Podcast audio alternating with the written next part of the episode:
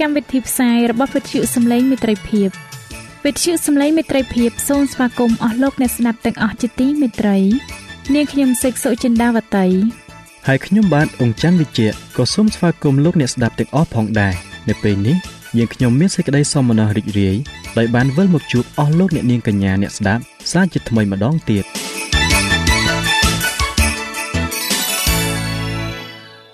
ចា៎លោកអ្នកស្ដាប់ជាទីមេត្រី នាងខ្ញុំសូមគោរពអញ្ជើញអស់លោកលោកស្រីអ្នកនាងកញ្ញាតាមដានស្ដាប់កម្មវិធីផ្សាយរបស់វិទ្យុយើងខ្ញុំដូចតទៅ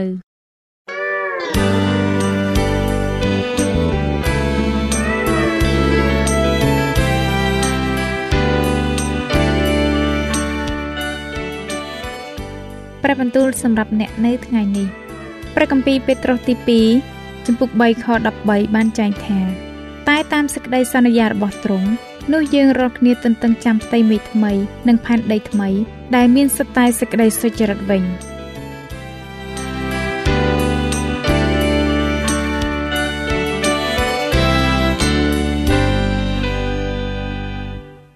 បាទខ្ញុំបាទ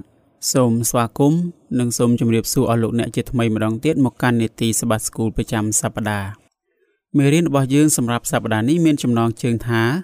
ព្រះយេស៊ូវបានសម្រេចសេចក្តីជំនឿរបស់យើងប្រសិនបើលោកអ្នកចង់បានមេរៀននេះប្រើនៅលើទូរស័ព្ទដៃ Android របស់លោកអ្នក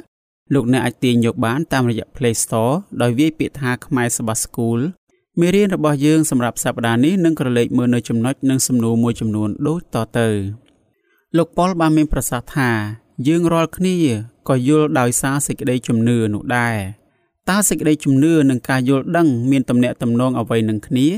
តើសេចក្តីជំនឿបានជួយឲ្យយើងយល់អ្វីខ្លះពាក្យជាភាសាក្រិក pistis មានន័យថាសេចក្តីជំនឿពាក្យនេះបានបង្ហាញយើងអំពី1គោលជំនឿទៅលើព្រះ និងទី2ភាពស្មោះត្រង់ចំពោះទ្រង់តើហេតុអ្វីបានជាអត្តន័យទាំងពីរយ៉ាងនេះសំខាន់ម្ល៉េះចំពោះការយល់ដឹងរបស់យើង ស្ដីអំពីរបៀបដែលយើងរស់នៅដោយសារសេចក្តីជំនឿនេះ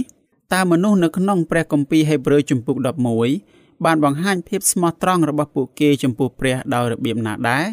តើភាពស្មោះត្រង់របស់គេបានបង្ហាញអំពីសេចក្តីជំនឿរបស់ពួកគេដោយរបៀបណាតើយើងអាចរស់នៅបានដូចជាពួកគេដោយរបៀបណាដែរអស់លោកអ្នកទាំងអស់គ្នាជាទីមេត្រី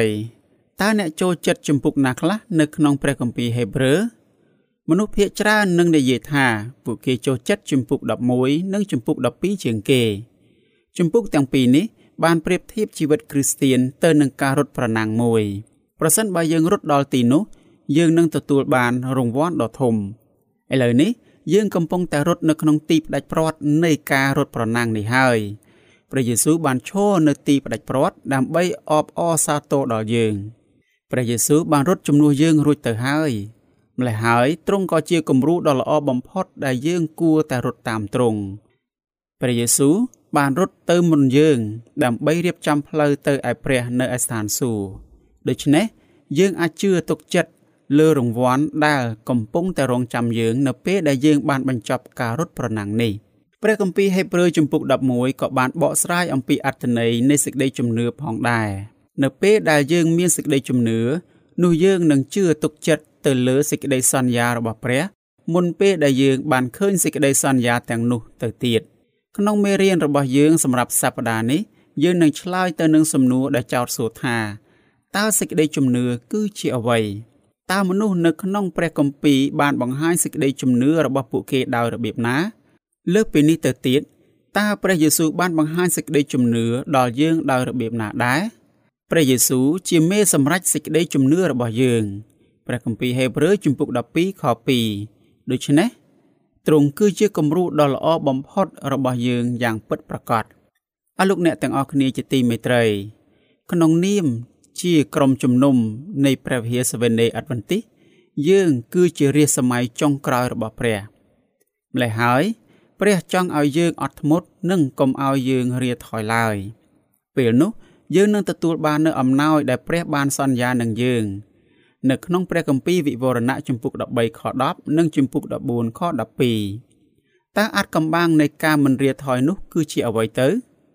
លោកប៉ុលបានបង្ហើបប្រាប់យើងថាត្រូវឲ្យយើងរាល់គ្នាកាន់ខ្ជាប់តាមសេចក្តីបន្ទាល់របស់សេចក្តីសង្ឃឹមនោះព្រះគម្ពីរហេព្រើរជំពូក10ខ23និងជំពូក4ខ14លោកប៉ុលក៏បានបង្ហាញយើងថា ព្រះមិនបានប្រទានសេចក្តីសន្យាដល់ពួកអ៊ីស្រាអែលដែលនៅសេសសល់នៅក្នុងទីរហោស្ថាននោះទេពួកអ៊ីស្រាអែលមិនបានទទួលសន្យា ដោយសារតែពួកគេគ្មានសេចក្តីជំនឿព្រះគម្ពីរហេព្រើរជំពូក3ខ19ការគម្ពីរហេព្រើរបានបង្ហាញយើងថា ព្រះបានត្រៀមអំណោយដល់ពួកគ្រីស្ទានជាស្រេចតាមដែលបានសន្យាដូច្នេះពួកគ្រីស្ទានត្រូវតែបង្ហាញសេចក្តីជំនឿប្រសិនបើពួកគេចង់បានអំណោយទាំងនេះ លោកប៉ុលបានចាប់ផ្ដើមពិពណ៌នារបស់គាត់អំពីសេចក្តីជំនឿនេះដោយសម្រងមតិមួយចេញពីព្រះគម្ពីរហាបាគុកចំពុក2ខ2ដល់ខ4នៅក្នុងខទាំងនេះលោកហាបាគុកបានទូលសួរដល់ព្រះថាតើហេតុអ្វីបានជាទ្រង់អនុញ្ញាតឲ្យមនុស្សអាក្រក់ធ្វើបាបមនុស្សល្អយ៉ាងដូចនេះ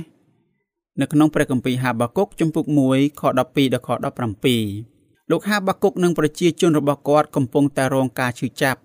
ម្ល៉េះហើយពួកគេចង់ឲ្យព្រះដាក់ទោសដល់មនុស្សដែលបានធ្វើបាបពួកគេភ្លាមភ្លាមព្រះបានសន្យានឹងលោកហាបាគុកថាទ្រង់នឹងជួយដល់ពួកគេប៉ុន្តែពួកគេត្រូវតែអត់ធ្មត់ជាមុនសិនហាបាគុកចំពុក2ខ2ដល់ខ4លោកហាបាគុកនិងប្រជាជនរបស់គាត់រស់នៅក្នុងសម័យមួយមុនពេលដែលសេចក្តីសន្យាបានកើតឡើង ទន្ទឹមគ្នានេះ យើងក៏កំពុងតែរស់នៅក្នុងសម័យមួយដែលយើងត្រូវតែរងចាំឲ្យព្រះរក្សាសេចក្តីសន្យារបស់ទ្រង់ទាំងអស់ដល់យើងផងដែរព្រះបានសន្យានឹងលោកហាបាគុកថា ពីព្រោះនៅតែបន្តិចទៀតនោះព្រះអង្គដែលត្រូវមកទ្រង់នឹងយាងមកមែនឥតបង្អង់ឡើយព្រះគម្ពីរហេព្រើរជំពូក10ខ37និងជំពូក2ខ3សារនេះគឺស្ដីអំពីព្រះយេស៊ូវយ៉ាងពិតប្រាកដ ព្រះយេស៊ូវគឺជាព្រះអង្គដែលត្រូវយាងមកដូច្នេះតើព្រះយេស៊ូវពិតជាបានបង្អង់ពេលវេលានៃការយាងមករបស់ទ្រង់នឹងបានបោះបង់សេចក្តីសន្យារបស់យើងដែរឬទេ ទេមិនមែនដូច្នោះទេ គឺព្រះយេស៊ូវបានយាងមកសគត់ជំនួសយើងរួចរាល់ហើយ ជាការពិតណាស់អស់លោកអ្នកទាំងអស់គ្នាទ្រង់ក៏នឹងយាងមកម្ដងទៀតនៅក្នុងពេលវេលាដ៏ត្រឹមត្រូវមួយផងដែរព្រះក៏បានមានបន្ទូលនឹងលោកហាបាគុកទៀតថា ពួកមនុស្សសុចរិតនឹងរស់នៅដោយអាងសេចក្តីជំនឿ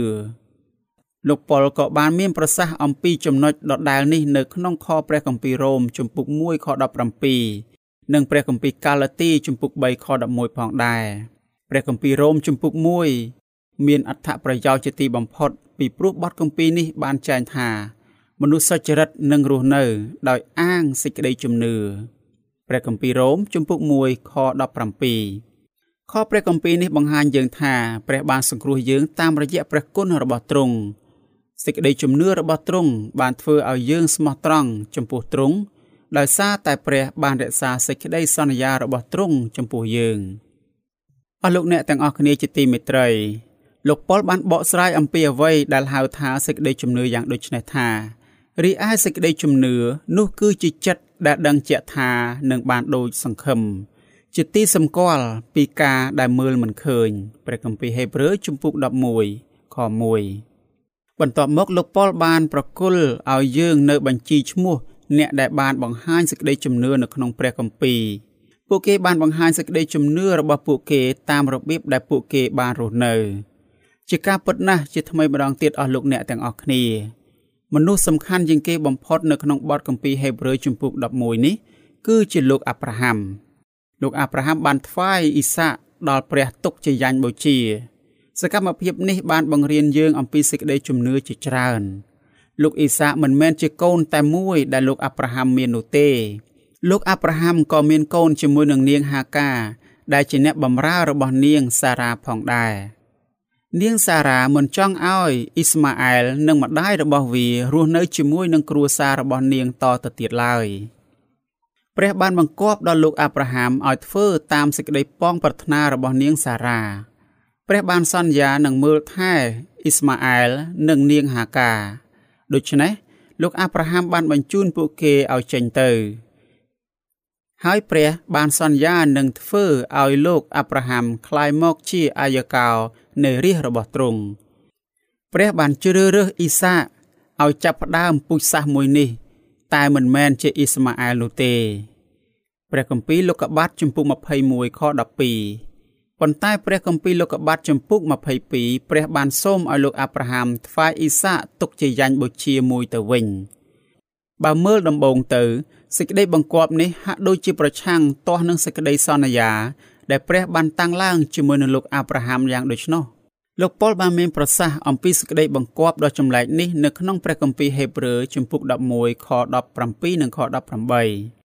លោកប៉ុលបានប្រាប់យើងអំពីរបៀបដែលលោកអាប់រ៉ាហាំបានដោះស្រាយបញ្ហាដោយរបៀបណា លោកអាប់រ៉ាហាំបានជឿថា ព្រះនឹងដាស់លោកអ៊ីសាកពីស្លាប់ឡើងវិញ បន្ទាប់ពីលោកអាប់រ៉ាហាំបានថ្វាយកូនរបស់គាត់ដល់ព្រះទុកជាយ៉ាញ់បូជានោះសេចក្តីជំនឿរបស់លោកអាប់រ៉ាហាំគួរឲ្យភ្ញាក់ផ្អើលជាខ្លាំងដោយសារតែយើងមិនបានអានអំពីអ្នកណាម្នាក់នៅក្នុងព្រះគម្ពីរដែលបានរស់ពីស្លាប់ឡើងវិញ មុនសម័យនេះនោះឡើយ លោកអាប់រ៉ាហាំបានជឿសេចក្តីពិតនៃព្រះគម្ពីរដ៏មានអំណាចនេះដោយរបៀបណាដែរព្រះគម្ពីរហេព្រើរជំពូក11ខ12បានចែងថាអ៊ីសាបានចាប់កំណើតតាមរយៈអំណាចរបស់ព្រះ ទន្ទឹមគ្នានេះលោកអាប់រ៉ាហាំមានវ័យចំណាស់ទៅហើយរីឯនាងសារ៉ាវិញក៏ចាស់ណាស់ដែរនាងមិនដែលមានកូនពីមុនមកនោះទេ លោកប៉ុលបានមានប្រសាសន៍ថា ត្បិតការលោកអស់ទីសង្ឃឹមហើយ នោះក៏ចេះតែជឿដោយសង្ឃឹមវិញព្រះគម្ពីររ៉ូមជំពូក4ខ18លោកអាប់រ៉ាហាំបានជឿថា គឺព្រះអង្គដែលប្រោសមនុស្សស្លាប់ឲ្យរស់ឡើងវិញឱកាសរបស់លោកអាប់រ៉ាហាំនិងនាងសារ៉ាក្នុងការមានកូននោះប្រៀបដូចជាមនុស្សស្លាប់អញ្ចឹងប៉ុន្តែទោះជាយ៉ាងនោះក្តីព្រះនៅតែអាចធ្វើឲ្យអ៊ីសាកកើតចេញពីរូបកាយស្លាប់របស់ពួកគេបានដែរ ដូច្នេះលោកអាប់រ៉ាហាំបានជឿថា ព្រះក៏អាចធ្វើការអស្ចារ្យដដែលនេះនៅពេលអនាគតផងដែរព្រះគឺពិតជាអាចដាស់អ៊ីសាកពីស្លាប់ឡើងវិញ នេះគឺលោកអាប់រ៉ាហាំមានជំនឿបែបនេះរីឯលោកម៉ូសេគឺជាមនុស្សសំខាន់ទី2នៅក្នុងចម្ពោះខាងលើ ស្ដីអំពីសេចក្តីជំនឿនេះនៅពេលដែលលោកម៉ូសេបានកើតមកឪពុកម្ដាយរបស់គាត់បានលាក់គាត់ពីស្ដេចផារ៉ោន ដែលជាស្ដេចនៃស្រុកអេស៊ីបស្ដេចផារ៉ោនបានចេញបញ្ជាឲ្យសម្លាប់ក្មេងប្រុសទាំងអស់ដែលកើតមកពីសាសហេប្រឺប៉ុន្តែឪពុកម្ដាយរបស់លោកម៉ូសេឥតមាននឹកខ្លាចដល់បញ្ញត្តិរបស់ស្ដេចនេះឡើយលុះដល់ម៉ូសេធំហើយនោះលោកមិនព្រមឲ្យគេហៅខ្លួនជាកូនរបស់បុត្រីផារ៉ោនទេ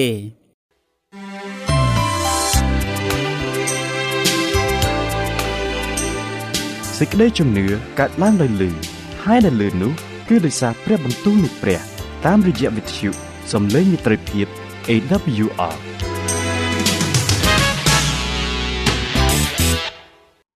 អរលោកអ្នកជាទីមេត្រីព្រះគម្ពីរហេព្រើរជំពូក11ខ24បុត្រីរបស់ស្ដេចផារ៉ោនគឺជាព្រះនាងនៃសាសអេស៊ីបដែលបានយកលោកម៉ូសេមកចិញ្ចឹម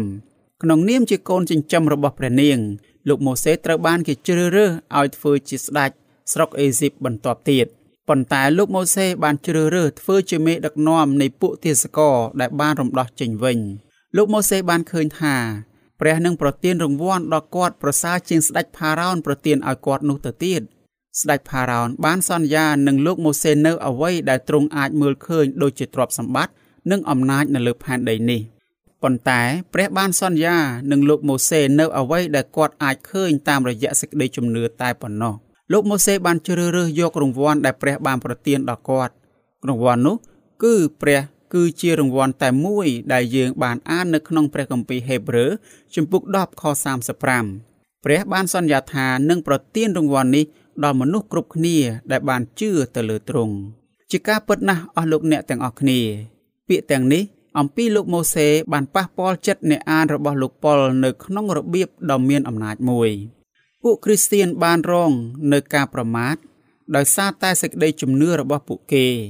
មនុស្សអាក្រក់បានធ្វើបាបពួកគេ និងបានកេងប្រវ័ញ្ចទ្រព្យសម្បត្តិរបស់ពួកគេផង ពួកគ្រីស្ទានខ្លះទៀតត្រូវបានគេចាប់ដាក់គុកដោយសារតែពួកគេបានជ្រើសរើសធ្វើតាមព្រះយេស៊ូវទន្ទឹមគ្នានេះ លោកម៉ូសេក៏បានចូលរួមជាមួយនឹងរាជរបស់ព្រះ លោកម៉ូសេបានបាត់បង់អ្វីអ្វីជាច្រើនដែលជីវិតនេះបានផ្ដល់ឲ្យគាត់ ដោយសារតែជំរឿសរបស់គាត់លោកម៉ូសេបានដោះដូរទ្រព្យសម្បត្តិនៃស្រុកអេស៊ីបជាមួយនឹងការប្រមាថទៅវិញតែហេតុអ្វីទៅ នោះគឺដោយសារតែគាត់បានជឿថារង្វាន់ដែលព្រះនឹងប្រទានឲ្យគាត់នោះប្រសើរជាងអ្វីអ្វីទាំងអស់ដែលសាសអេស៊ីបបានផ្ដល់ឲ្យគាត់ទៅទៀតអស់លោកអ្នកស្ដាប់ទាំងអស់គ្នាជាទីមេត្រីប្រសិនបើលោកអ្នកបានអាននៅក្នុងព្រះគម្ពីរហេព្រើរជំពូក11 ខ31និងព្រះគម្ពីរយូស្វេជំពូក2ខ9ដល់ខ11នោះយើងនឹងបានអានអំពីនាងរ៉ាហាប់នៅក្នុងខទាំងនេះ នាងរ៉ាហាប់បានកើតនៅក្នុងចំណោមមនុស្សដែលមិនបានថ្វាយបង្គំដល់ព្រះទេ នាងរ៉ាហាប់ក៏ជាស្ត្រីសំផឹងផងដែរនាងបានលក់ខ្លួនរបស់នាង ដើម្បីឲ្យបានប្រាក់ដូច្នេះតើហេតុអ្វីបានជាស្ត្រីនេះត្រូវបានរាប់នៅក្នុងបញ្ជីឈ្មោះវីរៈជននៃព្រះគម្ពីរយ៉ាងដូចនេះដែរ ជាការពិតអស់លោកអ្នកទាំងអស់គ្នា នាងរ៉ាហាបគឺជាមនុស្សចុងក្រោយដែលយើងអាចឃើញនៅក្នុងបញ្ជីឈ្មោះក្នុងព្រះគម្ពីរហេព្រើរជំពូក11នាងរ៉ាហាបគឺជាម្នាក់នៅក្នុងចំណោមស្ត្រី2នាក់តែប៉ុណ្ណោះដែលលោកប៉ុលបានដាក់នៅក្នុងបញ្ជីឈ្មោះរបស់គាត់នាងរ៉ាហាបគឺជាមនុស្សទី10នៅក្នុងបញ្ជីរីឯឈ្មោះទាំង9នាក់មុនពេលមកដល់ឈ្មោះនាងរ៉ាហាបគឺត្រូវបានគេហៅថាជាពួកអាយកោនៃសាសអ៊ីស្រាអែល បរោះបរោះទាំងនេះត្រូវបានគេហៅថាជាមនុស្សបរិសុទ្ធនៅពេលដែលក្រឡេកមើលនាងរ៉ាហាប់វិញ យើងមានការភ្ញាក់ផ្អើលដោយហេតុផលពីរយ៉ាង នាងគឺជាស្ត្រីម្នាក់ហើយនាងក៏ជាស្រីសំផឹងទៀតដោយដែលយើងបាននិយាយរួចមកហើយអ្វីដែលគួរឲ្យភ្ញាក់ផ្អើលអំពីនាងរ៉ាហាប់ជាងនេះទៅទៀតនោះគឺថា នាងនៅចំកណ្ដាលនៃបញ្ជីឈ្មោះនោះលោកប៉ុលបានសរសេរបញ្ជីរបស់គាត់នៅក្នុងទម្រង់ដ៏ពិសេសមួយ នៅពេលណាដែលលោកប៉ុលបានបន្ថែមឈ្មោះថ្មីមួយទៀតនៅក្នុងបញ្ជីរបស់គាត់នោះលោកប៉ុលតែងតែណែនាំអំពីបុគ្គលថ្មីម្នាក់នោះដោយរៀបរាប់ប្រាប់យើងអំពីអ្វីដែលបុគ្គលម្នាក់នោះបានធ្វើដោយសារសេចក្តីជំនឿលោកប៉ុលបានចាប់ផ្ដើមជាមួយនឹងរឿងរបស់លោកកាអ៊ីននិងលោកអេប៊លរួចបានរៀបរាប់ប្រាប់យើងអំពីអ្វីដែលលោកអេប៊លបានធ្វើដោយសារសេចក្តីជំនឿបន្ទាប់មក លោកប៉ុលបានរៀបរាប់ប្រាប់យើងអំពីវីរៈបរោះនៃសេចក្តីជំនឿបន្តបន្តទៀតនៅក្នុងបញ្ជីរបស់គាត់ដូចជា លោកហេណុកលោកណូអេលោកអាប់រ៉ាហាំលោកអ៊ីសាកលោកយ៉ាកុបលោកយូសែបនិងលោកម៉ូសេវីរៈបរោះនៃសេចក្តីជំនឿដ៏អង្អាចនៅក្នុងប្រវត្តិសាស្ត្រព្រះគម្ពីរបន្តទៀតនោះគឺជាលោកយូស្វេយើងអាចស្មានដឹងថា លោកនឹងមានប្រសាសន៍មកកាន់យើងយ៉ាងដូចនេះថា ដោយសារសេចក្តីជំនឿលោកយូស្វេបានដឹកនាំពួកបណ្ដាជនចូលទៅក្នុងទឹកដីសន្យាប៉ុន្តែលោកប៉ុលបានរំលងលោកយូស្វេទៅឯសេចក្តីជំនឿរបស់នាងរ៉ាហាប់តែម្ដង បន្ទាប់មក លោកប៉ុលបានបន្ថែមទៀតថាតើត្រូវឲ្យខ្ញុំនិយាយអ្វីទៀតបន្ទាប់មកលោកប៉ុលបានបន្ថែមឈ្មោះមួយចំនួនទៀតនិងបានប្រាប់យើងអំពីអ្វីដែលបានកើតឡើងក្រោយមកនៅក្នុងប្រវត្តិសាស្ត្រព្រះគម្ពីរ ប៉ុន្តែលោកប៉ុលមិនបានផ្ដល់ព័ត៌មានក្បោះក្បាយអំពីរឿងទាំងនោះនោះទេដូច្នេះតើហេតុអ្វីបានជានាងរ៉ាហាប់នៅក្នុងបញ្ជីឈ្មោះវីរៈបរោះនៃព្រះគម្ពីរនេះដែរតើសកម្មភាពនៃសេចក្តីជំនឿរបស់នាងគឺជាអ្វីទៅ នោះគឺថា នាងរ៉ាហាប់បានលឺបានជឿនិងបានធ្វើដោយមិនបានឃើញអ្វីដែលនាងជឿនោះទេ នាងមិនបានឃើញគ្រោះកាចទាំង10ដែលព្រះបានដាក់លើស្រុកអេស៊ីបនោះទេ នាងមិនបានឃើញព្រះដឹកនាំរាជរបស់ទ្រង់នៅលើទឹកដីស្ងួតហួតហែងនិងកាត់សមុទ្រក្រហមនោះដែរនាងរហាបក៏មិនបានឃើញទឹកចេញពីថ្មដាឬនំប៉័ងធ្លាក់មកពីលើមេឃនោះដែរប៉ុន្តែទោះជាយ៉ាងនោះក្តី នាងរហាបបានជឿទៅលើព្រះ នាងគឺជាគំរូដ៏ល្អមួយនៃសេចក្តីជំនឿសម្រាប់ពួកគ្រីស្ទៀនដែលលោកប៉ុលបានសរសេរក្នុងកានគម្ពីរហេព្រើរពួកគ្រីស្ទៀនទាំងនេះ ក៏មិនបានឮព្រះយេស៊ូវអធិប្បាយឬឃើញទ្រង់ធ្វើការអស្ចារ្យដោយផ្ទាល់នឹងភ្នែកដែរប៉ុន្តែពួកគេបានជឿទៅលើព្រះយេស៊ូវនិងបានទទួលយកទ្រង់ធ្វើជាព្រះអង្គសង្គ្រោះរបស់ពួកគេផ្ទាល់នាងរ៉ាហាប់ក៏ជាគំរូដ៏ល្អមួយសម្រាប់យើងនៅថ្ងៃនេះផងដែរអស់លោកអ្នកទាំងអស់គ្នា យើងក៏មិនបានឃើញព្រះយេស៊ូវធ្វើការអស្ចារ្យទាំងនេះនោះដែរប៉ុន្តែទោះជាយ៉ាងនេះក្តី ព្រះ បានសូមឲ្យយើងជឿទៅលើព្រះយេស៊ូវដូចដែលនាងរ៉ាហាប់បានជឿយ៉ាងដូច្នោះដែរលោកប៉ុលបានចាប់ផ្ដើមបញ្ជីឈ្មោះវីរៈបរោះនៃសេចក្តីជំនឿរបស់គាត់នៅក្នុងព្រះគម្ពីរហេព្រើរជំពូក11ហើយបានបញ្ចប់បញ្ជីរបស់គាត់នៅក្នុងជំពូក12ជាមួយនឹងព្រះយេស៊ូវទន្ទឹមនឹងគ្នានេះផងដែរលោកប៉ុលបានចាប់ផ្ដើមសំណេរសម្បត្តិរបស់គាត់ផ្ញើទៅក្រុមជំនុំហេព្រើរជាមួយនឹងតួអង្គព្រះយេស៊ូវ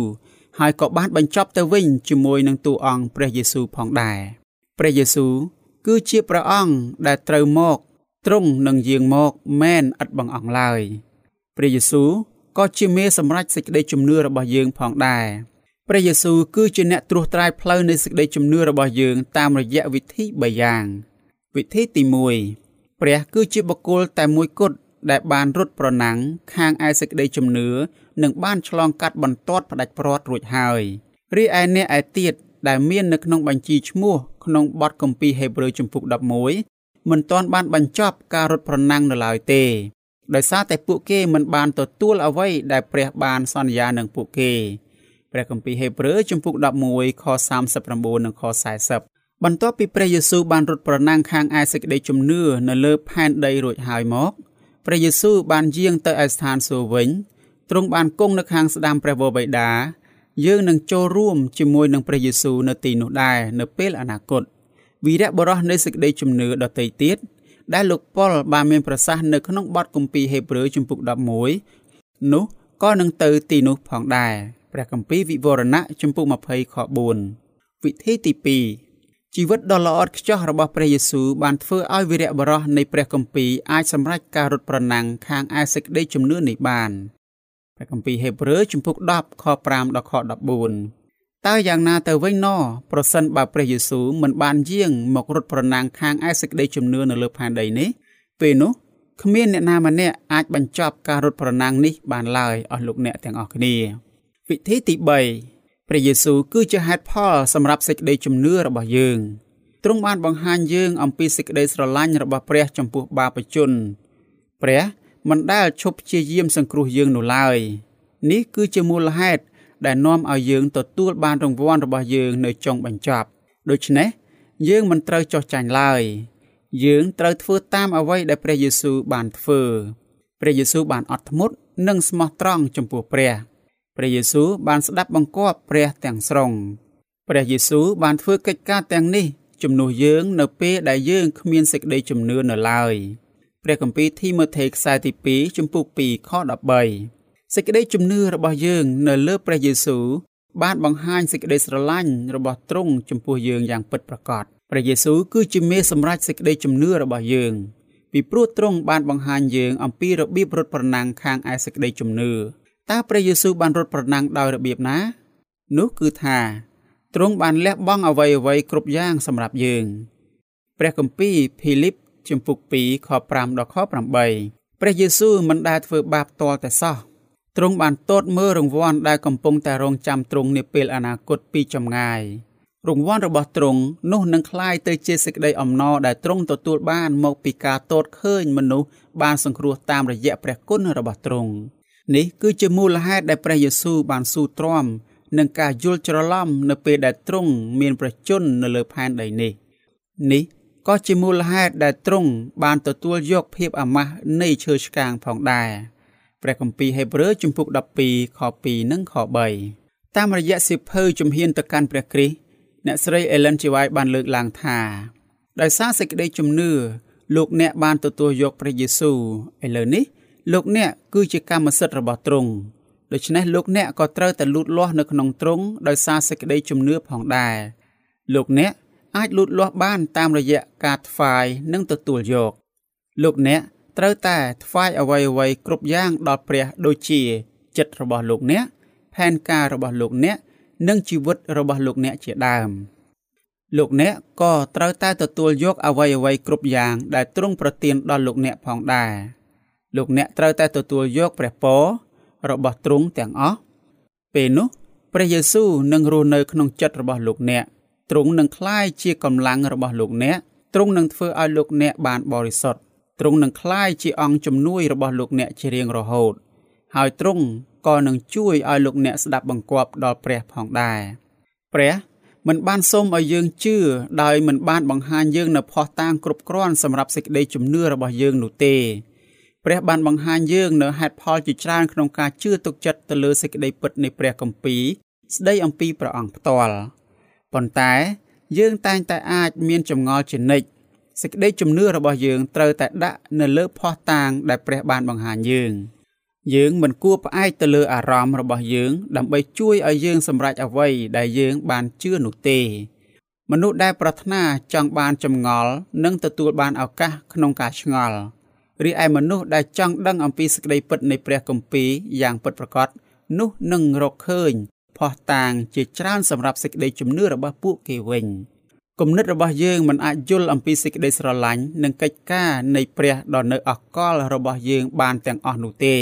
ទ្រង់គឺជាបុគ្គលដ៏បរិសុទ្ធទ្រង់អាចកំបាំងជានិច្ចមនុស្សដែលឆ្លាតជាងគេបំផុតនៅលើផែនដីនេះមិនអាចដោះស្រាយអាចកំបាំងដ៏បរិសុទ្ធនេះបានឡើយ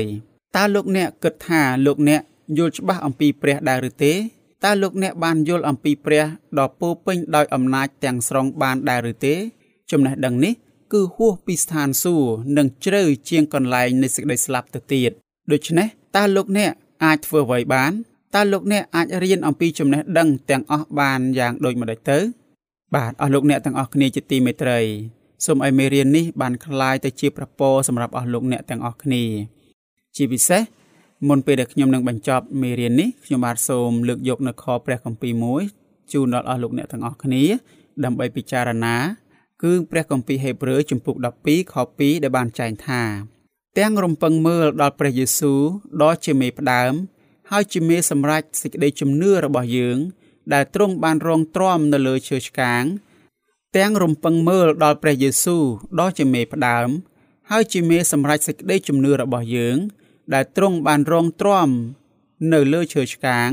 ទាំងមើលងាយចំពោះសេចក្តីអាម៉ាស់ខ្មាស់នោះឲ្យតែបានសេចក្តីអំណរដែលនៅចំពោះទ្រង់រួចទ្រង់ក៏គង់នៅខាងស្ដាំបល្ល័ង្កនៃព្រះបាទអរគុណអស់លោកអ្នកទាំងអស់គ្នាដែលបានចំណាយពេលចូលរួមសិក្សាមេរៀនជាមួយនឹងខ្ញុំបាទសម្រាប់សប្តាហ៍នេះខ្ញុំបាទនឹងវិលត្រឡប់មកជួបអស់លោកអ្នកជាថ្មីម្ដងទៀតនៅមេរៀនសម្រាប់សប្តាហ៍ក្រោយ សូមអរគុណសូមជម្រាបលា វ